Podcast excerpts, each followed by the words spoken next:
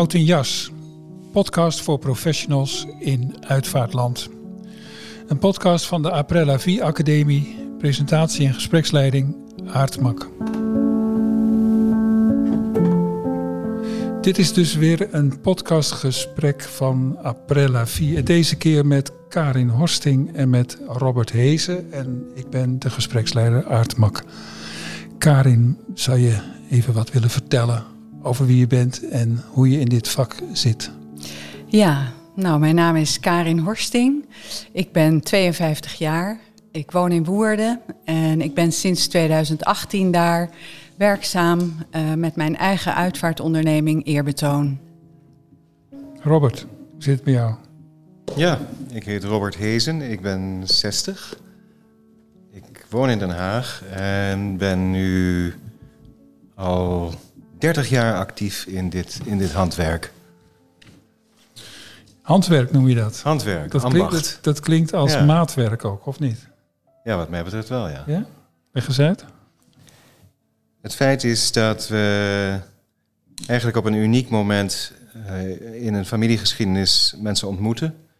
En daar ook vorm aan moeten geven, wat mij betreft. En dat unieke karakter zit hem in een familiegremium, in een historie, in ehm,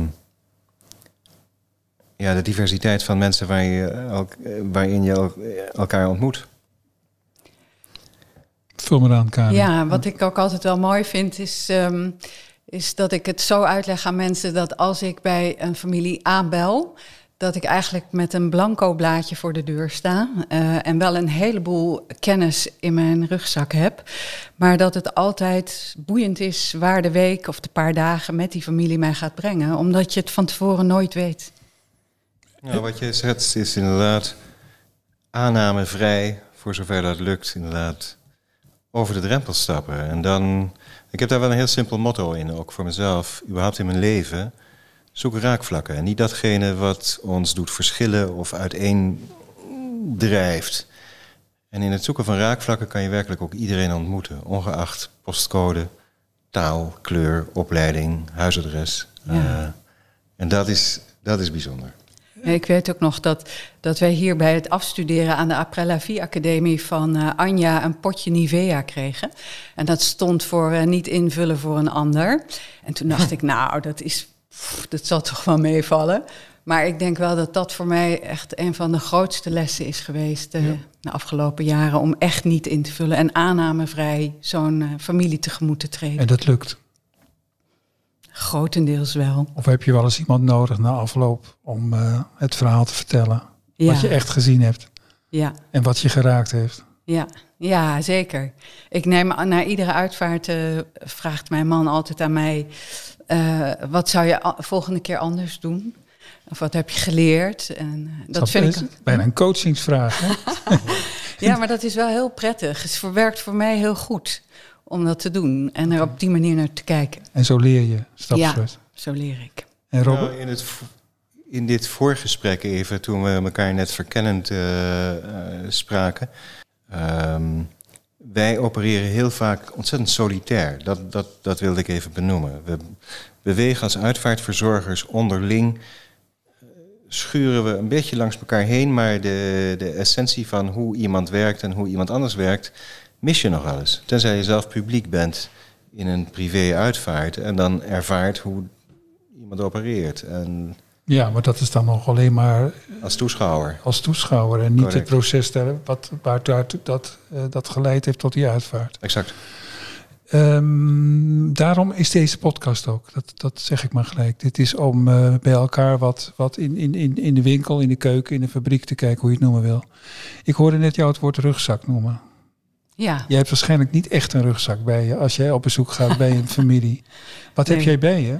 Ehm, ik heb twee tassen bij me. Zo. Ja, en eh, ja, daar zit van alles in. Onder andere natuurlijk mijn eh, laptop, ehm, maar ook boeken. En eh, van kisten tot aan, tot aan kaarten, tot aan de uitvaartbus. Ja, van alles zit daarin. En ben je iemand die de laptop openklapt? Als ik het zo zeg, is lastig. De laptop openklapt en met de familie zo gaat praten? Nee, Nee, heel bewust niet. Ik, uh, die komt alleen maar uh, naar, naar boven als ik bijvoorbeeld even een plaatje wil laten zien. Omdat ik er echt in geloof. Ik zie veel meer. Ik zeg altijd zo, hè, um, echte aandacht, dat is waar het om gaat. Om die te geven. En echte aandacht bestaat voor mij om te horen wat niet wordt gezegd ook. En te zien wat niet wordt getoond. En dat kan voor mij alleen maar zonder laptop. Ja. Ik heb het inderdaad, dit zijn bijna dezelfde woorden. Dit is kijken en zien en luisteren en horen en voelen. En ik weet dat er in een heleboel ondernemingen uitvaartverzorgers zijn uitgerust met een, met een hutkoffer, met printers en laptops en toeters en bellen. Uh, dit boekje wat hier op tafel ligt is een voorbeeld, van daar werk ik mee. In die zin ben ik heel old school. Uh, Je noteert. Ik zit, ik luister, ik kijk, ik zie wat er in huis gebeurt, ik zie wat er aan de muur hangt. En laten we eerst maar gewoon eens elkaar ervaren. En in zo'n gesprek, in zo'n zo'n zo'n kennismaking, in, zijn jullie hierop voorbereid? Krijg je al zo ongelooflijk veel informatie. Robert, ik, ik hoorde jou eerder iets zeggen over ongeacht afkomst of kleur of geloof. Ja. Um, jij bent net als ik een blanke man. Uh, heb, heb jij ander, anders gekleurde mensen ook? Ja, ja. ik beweeg. Uh, ik, werk, ik woon in Den Haag en ik werk met mijn eigen onderneming vanuit Den Haag, daar waar we nodig zijn. Hm? En daarnaast spring ik in voor ondernemingen die zo nu en dan klem zitten met hun bemanning. Okay. Uh, onder andere, dat is onder een landelijke, landelijke uitvaartonderneming. Dat doe ik voor hen in Den Haag, in Rotterdam, in Amsterdam, soms in Utrecht. En wie ontmoet ik? Hindoestaanse families, Creols, Surinaamse families, Oost-Armeens, Orthodox. Uh, dat gaat je goed af? Ja, ik krijg ook wel vaak die opdrachten. Juist die opdrachten. Um, of er is ruzie in de tent, of het is logistiek ingewikkeld. Of het is inderdaad iets exotisch. De, de, de Koptische kerk van Zuid-Soedan. Hoe moet je daarmee omgaan? Bottom line is dat er ergens een graf is, of er is ergens een crematieoven. En er is een familie die echt op een kruispunt staat. En het decor en de, de emotie daaromheen, ja, die zijn wat het is. Ik heb wel een brede bagage, cultureel en, en, en ceremonieel, uh, maar ook religieus zodat ik me wel kan verplaatsen in wie ik ontmoet. Hm? Oké. Okay. Dus ik ben ehm, daar niet benauwd voor. Nee, en... jij bent van de uitvaartverzorgers, hè? Ja. Dat is een... een hele simpele naam, dan weet je precies wat ik doe. Ja, dat is duidelijk. Ja, het, is, het, is, het is een hele industriële naam haast. De uitvaartverzorgers. Ja, uitvaartverzorgers. Wij zijn met z'n drietjes. Okay. Ik heb uh, twee partners. En wij vullen, wij vullen elkaar ook heel sterk aan. Okay. Heel veel Lijkt opdrachten. Ja, maar heel veel opdrachten doen wij ook samen. Dat zou je wel willen, Karin? Nou, het lijkt me dus heel mooi dat jij met twee directe collega's, omdat je dan dus ook altijd kunt sparren. Ja. Dat dat... Jij, wat jij met je man doet, doet hij met zijn collega's. Ja, en ik werk ook wel echt heel bewust samen met twee medestudenten van destijds. Met uh, Esther hier in Hilversum en met Jack uit, uh, uit Apkoude. En dat is echt heel fijn om af en toe met elkaar te sparren. Ja. ja. Dat is ook nodig, omdat ja, wat je straks ja. zei al, is, we zijn zo solitair. En je moet iedere keer... Nou, laten wij ook wat gaan sparren. Ik wil, ik wil, waar we het in ons voorgesprek heel even over hadden, het met jullie even hebben over de veranderingen. Je bent al 30 jaar aan het werk, jij korter. Ja. Uh, ik ben geen uitvaartleider, maar ik ben wel iemand die heel veel rondloopt in uitvaartland. En, en mijn, mijn, mijn toespraken houden me ook mijn, mijn mensenopvang. Um, coach, zou ik kunnen zeggen. Um, wat is er veranderd? Jij, begin jij eens, Karin. Nou, wat ja, je ziet, ik, wat je waarneemt. Ik ben natuurlijk nog maar heel kort. Hè. Ik denk Jawel. dat Robert daar straks nog veel mooier over kan vertellen. Maar wat ik waarneem, ik heb in 2019 samen met een collega van collega-ondernemer in Woerden, hebben wij de uitvaartmarkt in Woerden georganiseerd. En dat was echt een groot succes. Het was echt een fantastisch soort festivalachtige sfeer. Maar het was best spannend. Omdat, ja, wie gaat er nou naar een markt die over iets als uitvaarten gaat? En nu gaan we hem weer organiseren. Dus uh, drie jaar later. En ik merk dat het nu al alweer drie jaar later veel meer bespreekbaar is. mede ook dankzij zo'n sieren reclameboodschap, denk ik, hè? ik. Ik merk dat er veel meer over gesproken wordt. Ik merk ook dat het steeds makkelijker is om met mensen een voorgesprek te hebben, bijvoorbeeld. Het groene hart van, van Nederland, hè? Ja. Waarvan je zou verwachten, nou, dat is daar nog wat ingehouden, wat, Klopt. wat rustig. Dat is het ook. Geen pandoor. Nee, dat is het ook. Dus, maar die markt was een succes. Ja. En dat vind je een verandering vergeleken met ja, dat denk ik wel, omdat, omdat ik, ja, ik kan me niet herinneren. Wij waren ook de eerste uitvaartmarkt, dus het was er in ieder geval al mm. niet daarvoor. Dus dat is een verandering. Maar als ik denk aan hoe het vroeger ging, toen ik jonger was, ja, dan werd je echt daarvan weggehouden allemaal.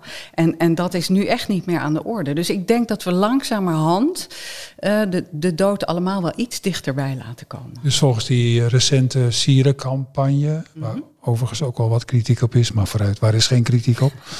Um, Volgens die recente campagne wordt de dood bespreekbaarder. Voor mijn gevoel wel. Oké, vind jij dat ook? Ja, voor mij ook. Maar de dood is natuurlijk, hoe je het went of keert, uh, zo oud als de mensheid en ouder. Ik bedoel, Lijkt mij. Het is daar, daar zie je ook wel golfbewegingen in, ook historisch gezien. De afgelopen honderd jaar hebben we natuurlijk met een veel grotere kramp uh,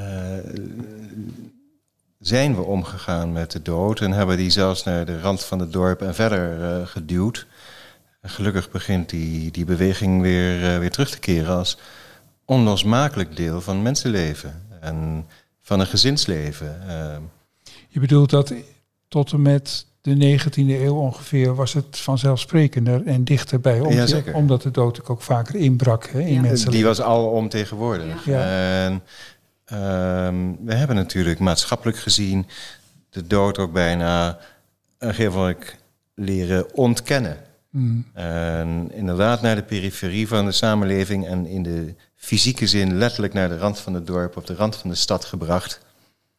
Terwijl iedere dag die we hebben, er families toch ineens op dat, ik noem het weer, dat kruispunt uh, terechtkomen. En bij wijze van spreken, bij, eh, bij, bij gebrek aan ervaring daarmee, want dit maak je natuurlijk van heel dichtbij, maar maak je in je leven mee, hè? Klopt. Um, bij gebrek aan ervaring daarmee ook soms een zekere vorm van stuurloosheid hadden. Wat moeten we dan? Hoe doen we dit dan? Um, 100 jaar geleden was Noberhulp in de, de dorpen gewoon de meest vanzelfsprekende zaak. Plus de kerkelijke rituelen. Ja. Plus de, de, de, vastigheid of de veiligheid van, ja. van de ritus. Dat klopt. Dat, maar goed, jij bent ingestoken 30 jaar geleden. Toen was er al veel aan het veranderen. Toen was er een verschuiving. En de eerste verschuiving die... Uh, dat was echt op het moment dat ik zelf instapte. Er was een Amsterdamse beweging, uh, de uitvaartvernieuwers. En die maakte voor mij wel indruk. En dat dat uh, toen nog een postzegel was uh, in de wereld van conventie en traditie, waar nog werd gesproken in termen, en dit spreken we dan nu uit naar vakgenoten. 30-30, dat betekent 30 minuten aula, 30 minuten koffiekamer, drie ja. stukken muziek, koffie, cake en Mieke Telkamp. Ja. Uh, daar liepen oude circuspaarden met één kunstje. En daar liepen uitvaartverzorgers die op een dag met vier condoleanceregisters onder hun arm naar een crematorium gingen om een dagje crematiedienst te doen. Ja. Dames en heren, hartelijk welkom bij de uitvaart van Oom Tinus. En dat was, dat was Tante Marie bedoel ik. En dat was een mannenwereld grotendeels. Dat is, uh, ja, de masculiniteit was, uh, was uh, bijna volkomen.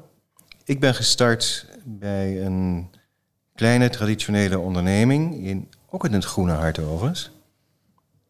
En ik startte tegelijkertijd met een vrouwelijke collega. Wij waren in die zin nieuw. Een new boy en een new girl. Maar de omgeving was nog volkomen doorspekt met cake en Mieke Taalkamp. En dat Rouwkamers die met zwart stof werden bekleed en uh, de spiegels werden afgedekt. Wat misschien wel mooi is, mijn e eerste uitvaart was in Naaldwijk, die ik helemaal zelfstandig begeleide. In het Westland. Ja, precies. En uh, de meneer die overleden was, die had een favoriet Grand Café.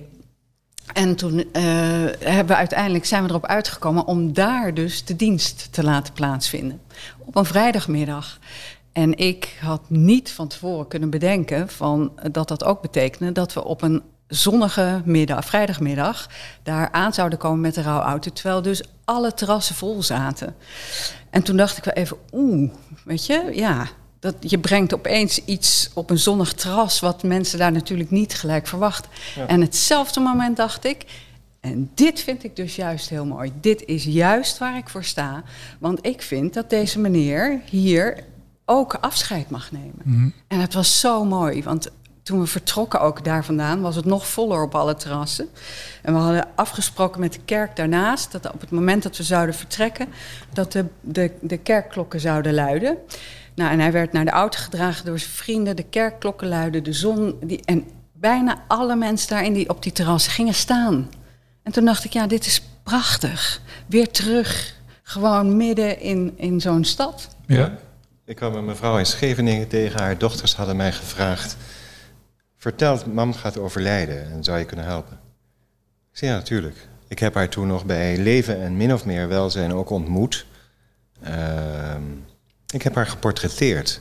Eigenlijk een cadeautje voor haar kinderen. En deze mevrouw die heeft meer dan 70 jaar van haar leven... ongeveer op de grens van water en zee geleefd. Of in Bali op het strand of op Scheveningen op het strand. En die kinderen die zeggen ja, maar we willen niet in zo'n aula. Nou, dan doen we dat toch niet? En zo zijn we op een beachclub terechtgekomen.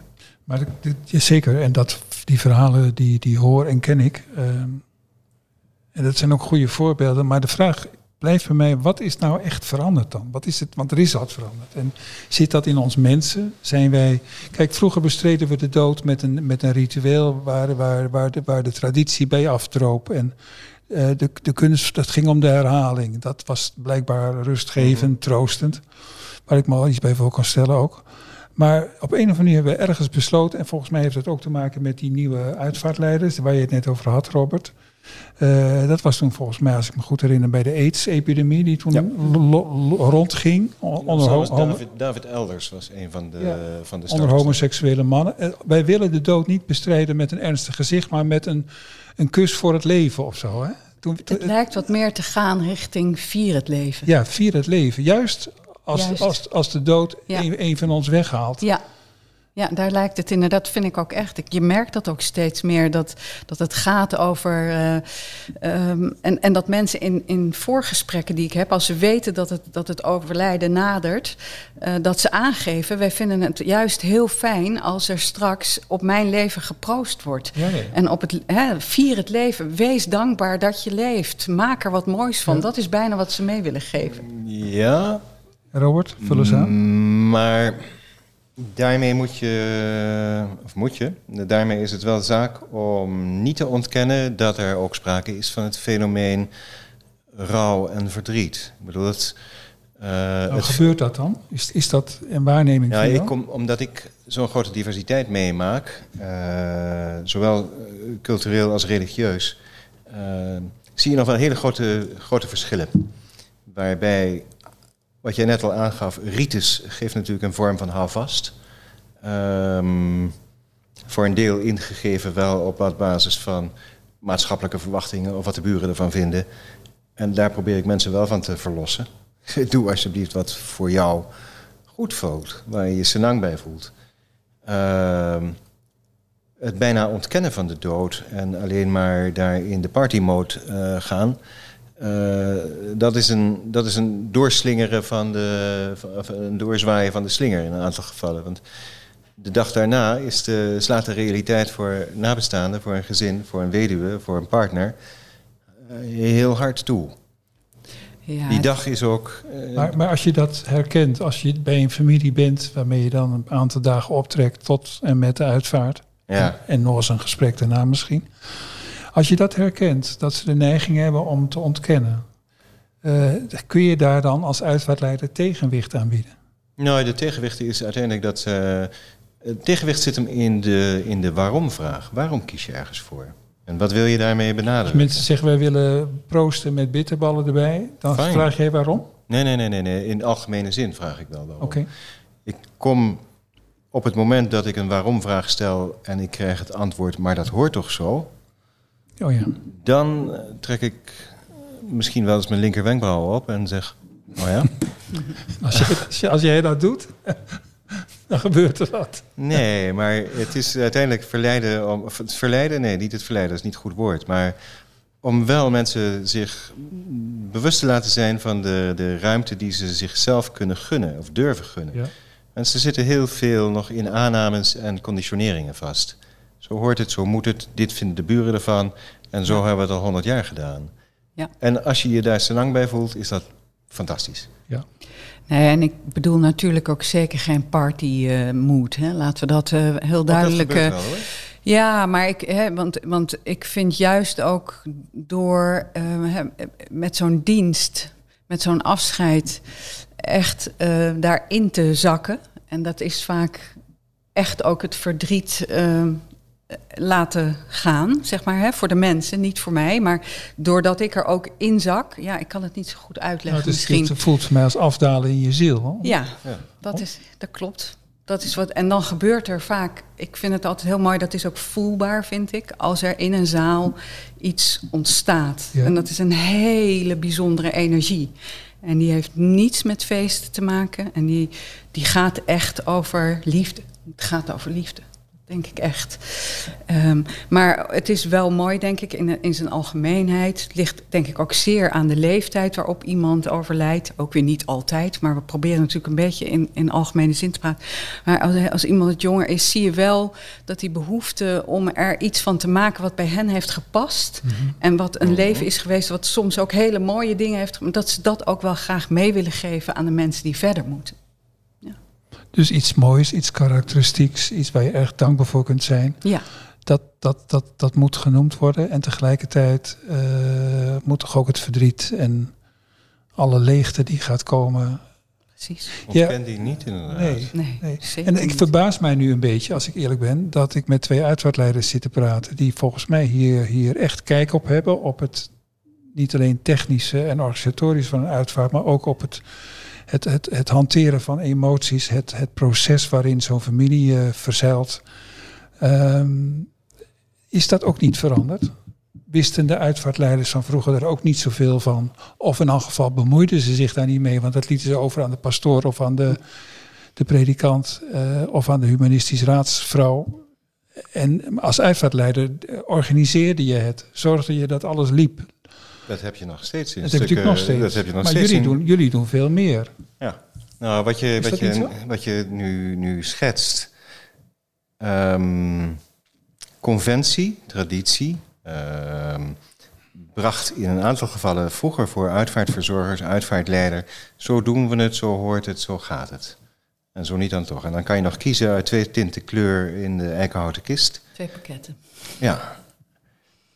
Maar je komt dat nog steeds tegen en daar moet je niet in vergissen.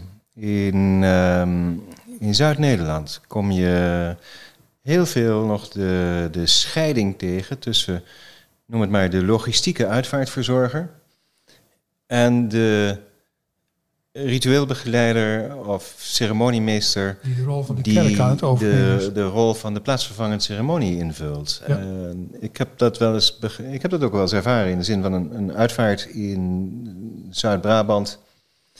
En daar kreeg ik een instructie, een overdracht. En u krijgt van mij een lijstje met welkomstwoord nummer 4, gedichtje nummer 2, overweging nummer 24. Want het staat allemaal in het grote boek. Op de stippellijn vult u de naam van de overledene in. Hm?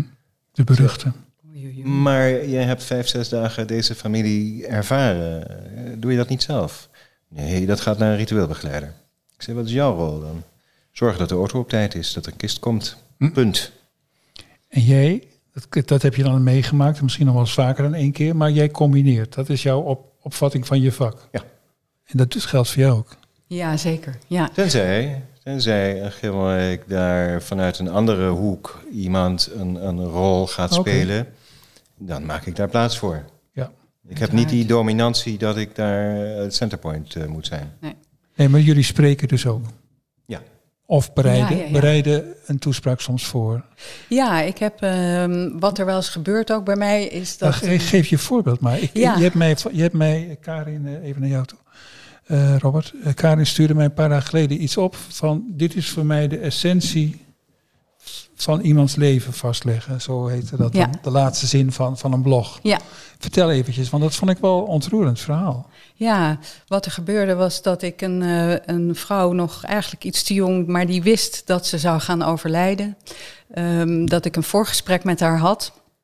En in het eerste gesprek ehm, nou, kwam aan de orde eh, hoe ze het eh, zag. En ze was eigenlijk een beetje zoekende, maar we kwamen steeds dichter tot elkaar. Ze liet mij ook steeds meer toe. En, en ehm, nou, we kwamen op allerlei hele mooie dingen uit. Eh, ze wilde op het strand eh, dat, eh, de- haar afscheid plaats laten vinden. Ze wilde geen kist. Ze wilde, nou, en dat kon ik allemaal prachtig mooi met haar bespreken. En dat En was ook een proces, hè? Proces. Van dag tot dag. Van ja. En ongeveer twee weken later kwam ik nog weer bij haar. En ze had in dat eerste gesprek aangegeven: ik wil ook graag mijn boodschap daar laten vertellen door mijn zus.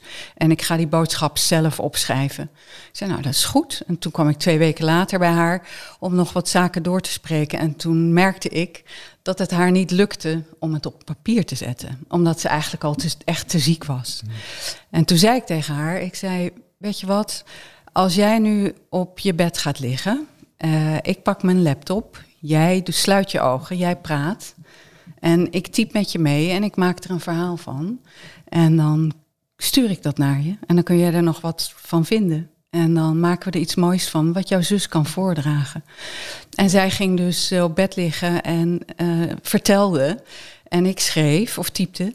En het is zo bijzonder zo, zo'n cadeau om dan aanwezig te zijn terwijl iemand zo terugblikt op haar, op haar leven in dit geval. En zo kwetsbaar en zo'n prachtig verhaal heeft. Ja, dat is kippenvel. En, dan, eh, twee, en, en, en ze overleed ook vrij snel daarna. En toen heeft die zus ze heeft dus op die, op die, in die strandtent dat verhaal voorgelezen. En op dat moment kwam de zon door. Ja, weet je, dat is gewoon, dat zijn van die momenten. Dat is kippenvel. Dat is echt prachtig. Ja, en dan kun je vragen, hoort dat bij een uitvaartbegeleider? Is dat een belangrijke vraag? Nee, niet voor mij. Nee, ik, ik, eh, ik opereer enorm op mijn intuïtie, op wat er nodig is. En soms is het een hele beperkte rol, is die faciliterend en dan is het goed. En soms is die op zo'n manier.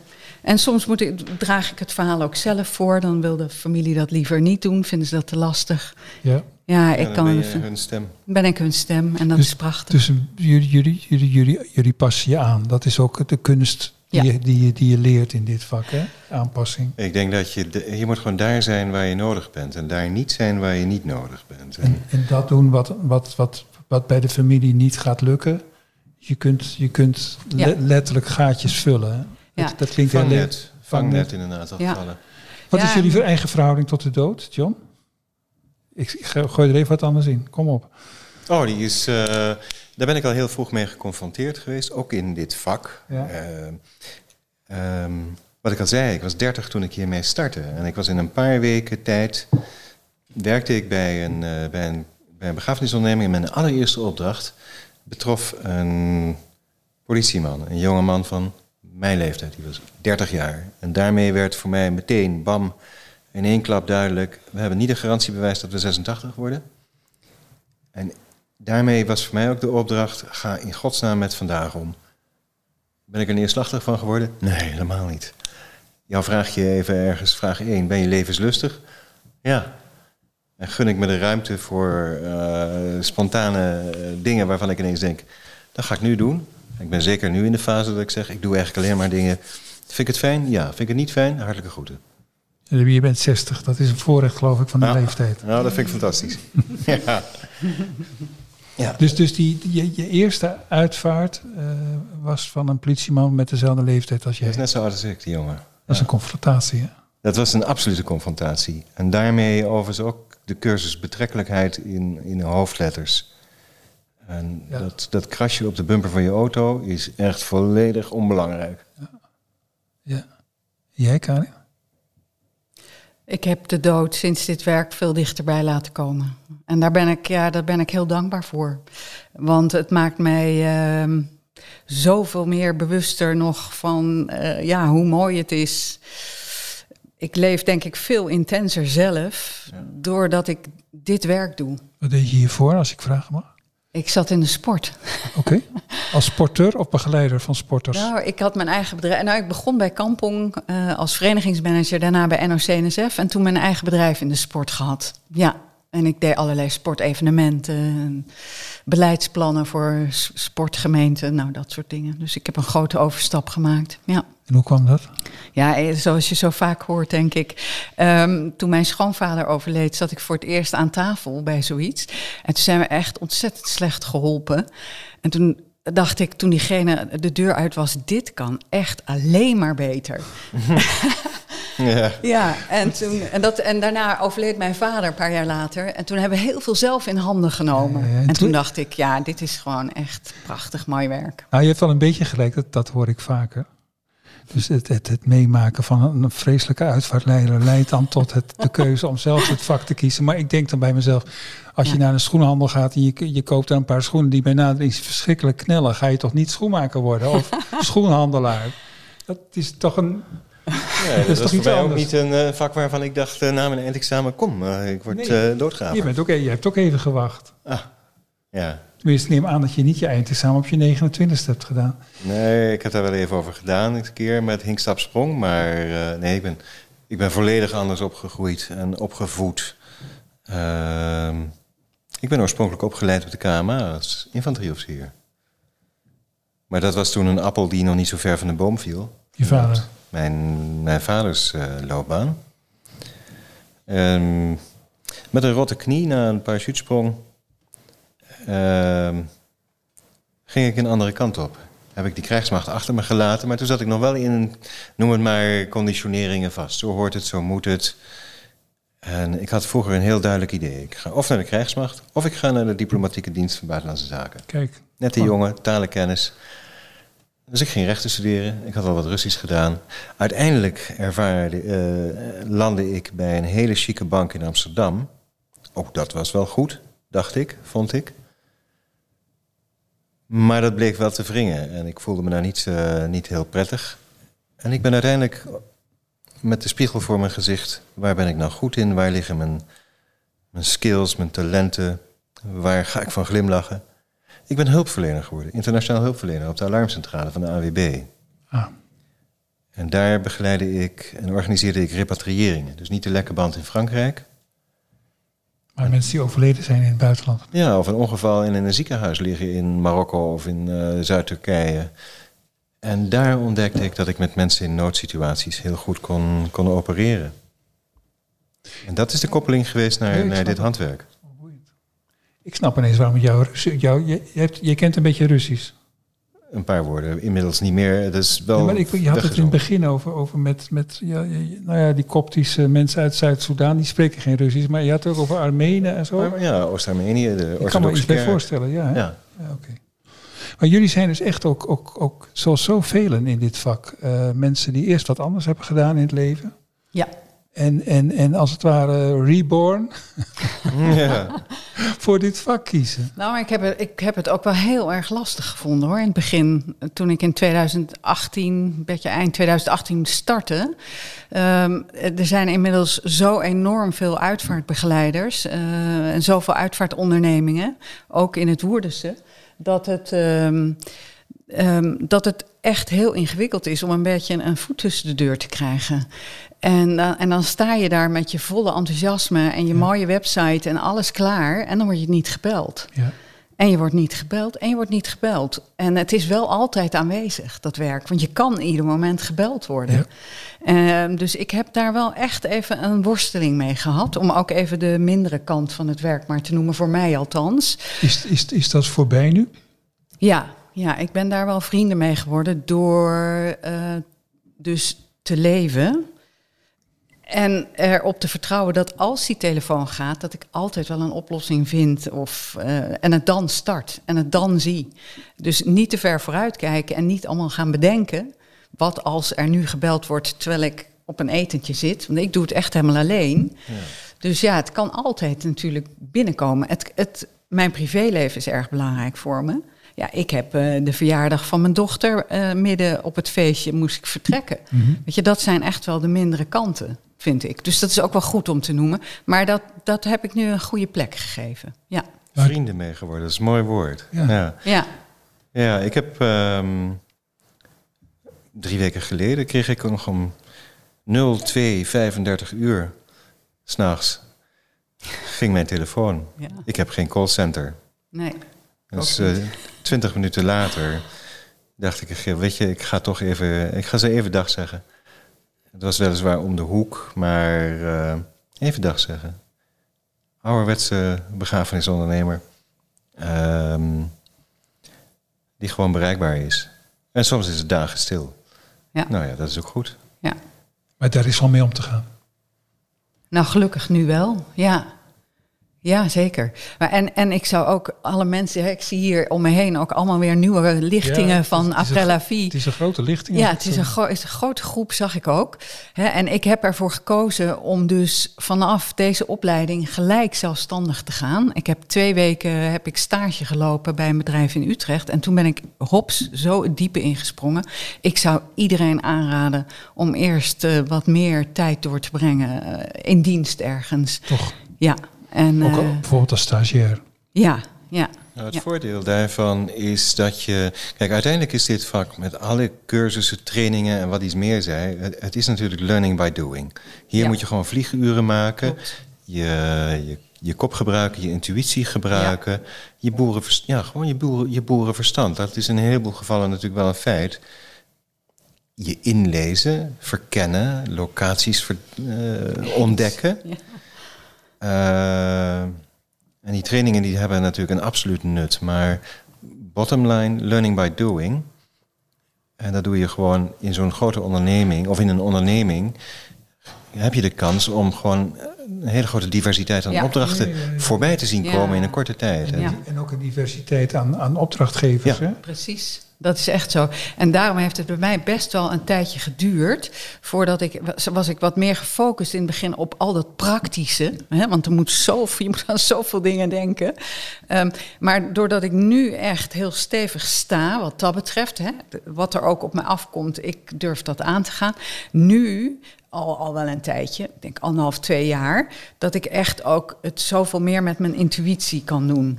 Door, eh, doordat ik eh, ja, meer vlieguren heb gemaakt. Ja.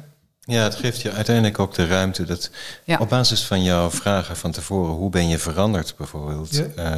eh, als uitvaartverzorger of uitvaartleider. Eh, ik ben veel milder, veel meer out of the box, veel meer. Ik zie wat er op mijn pad komt.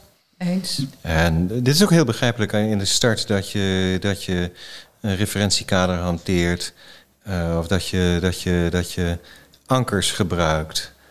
Maar uiteindelijk, weet je, het is inderdaad, ik wil niet zeggen vliegen meewaaien in de wind, maar ervaar maar wat er op je pad komt. Hè? En soms moet je wel on the spot, moet je een, ineens linksom in plaats van rechtsom. Maar dat zit hem in je systeem. Je moet Ja. gewoon snel kunnen handelen. Ja. Eh, Maar dat kunnen we. Dat, ja. over het algemeen, als je, eh, wat hebben uitvaartbegeleiders in, in eh, wat was een van de vragen? Wat hebben ze allemaal? Allemaal gemeenschappelijk. Gemeenschappelijk.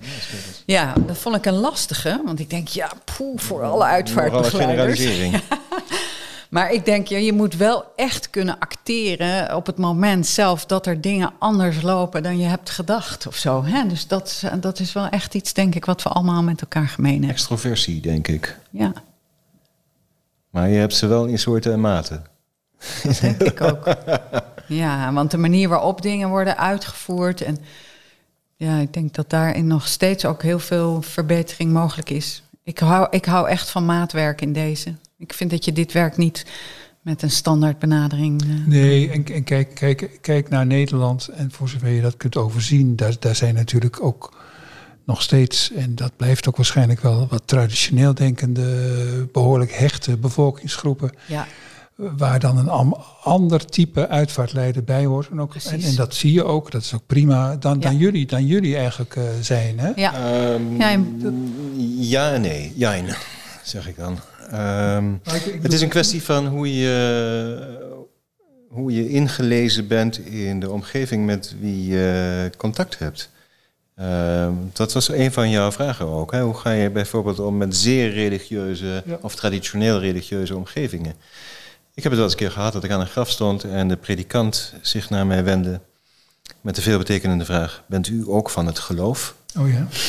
En wat zei je toen? En, Bij het graf, notenbenen. Ja, aan de groeven der vertering, zoals Ja. hij dat noemde. Ja, dat zei mijn grootmoeder ook. Ja.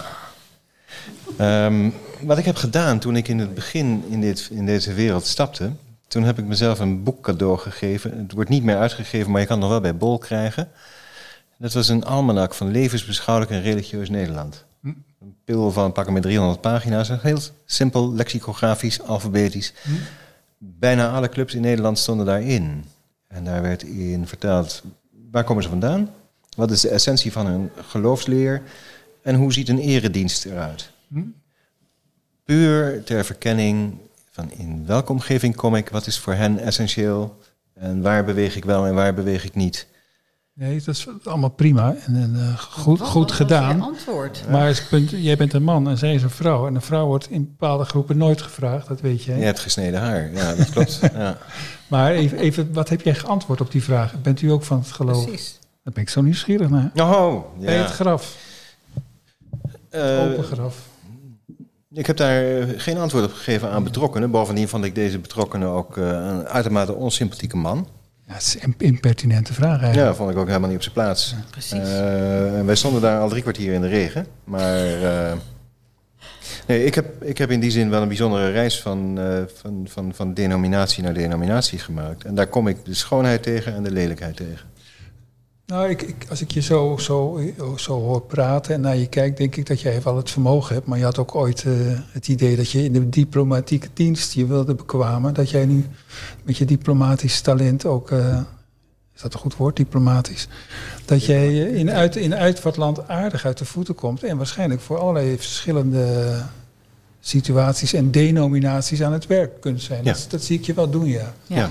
En ik denk, jij, voor zover het van belang is dat ik daar, daar, daar eh, iets over zeg, eh, Karin. eh, ik, vond, ik vond wat jij zei, eh, kippenvel, dat, ik denk dat, dat daar, zit jouw, daar zit jouw clue. De- de- Klopt. Dat, dat, dat er iets gebeurt. En jij noemde eerder in dit gesprek het woord liefde, wat ja, volgens het oude boek eh, alles overwint, maar Mhm. ook alles verbindt. Hè? eens. En ook leven en dood samen kan brengen. En Ja. ehm, eh, dat, dat zijn die heilige momenten eh, die, die zomaar kunnen plaatsvinden bij een uitvaartceremonie, zoals wij Echt. allen weten. Hè? En Ja. ook, ook soms in het gesprek van tevoren met de familie of de vriendenkring.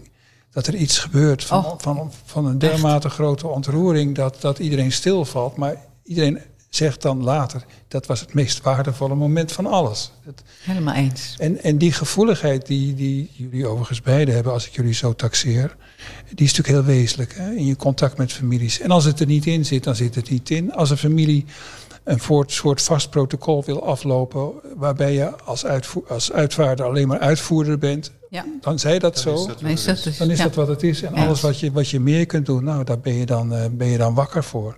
klopt. Om het te kunnen als het moet. Nou, het bijzondere is dat je natuurlijk wel een paar antennes hebt die, als je je daarvoor openstelt, eh, heel veel je kan, je, je, je kan bieden. Maar het is inderdaad, wat ik net zei, je bent daar waar je nodig bent. En je bent daar niet waar je niet nodig bent. Soms kom ik wel eens de dominantie van uitvaartverzorgers tegen die het middelpunt van een hele ceremonie zijn. En als men daar heel specifiek om vraagt, kan dat natuurlijk. Maar uiteindelijk gaat het niet om ons. Helemaal Dat, lijkt mij in geen enkel vak eh, Nee, nee, maar na te geef, streven. geef, ze, geef ze de kost die daar, Ja. die daar toch hard, hardnekkig nastreven.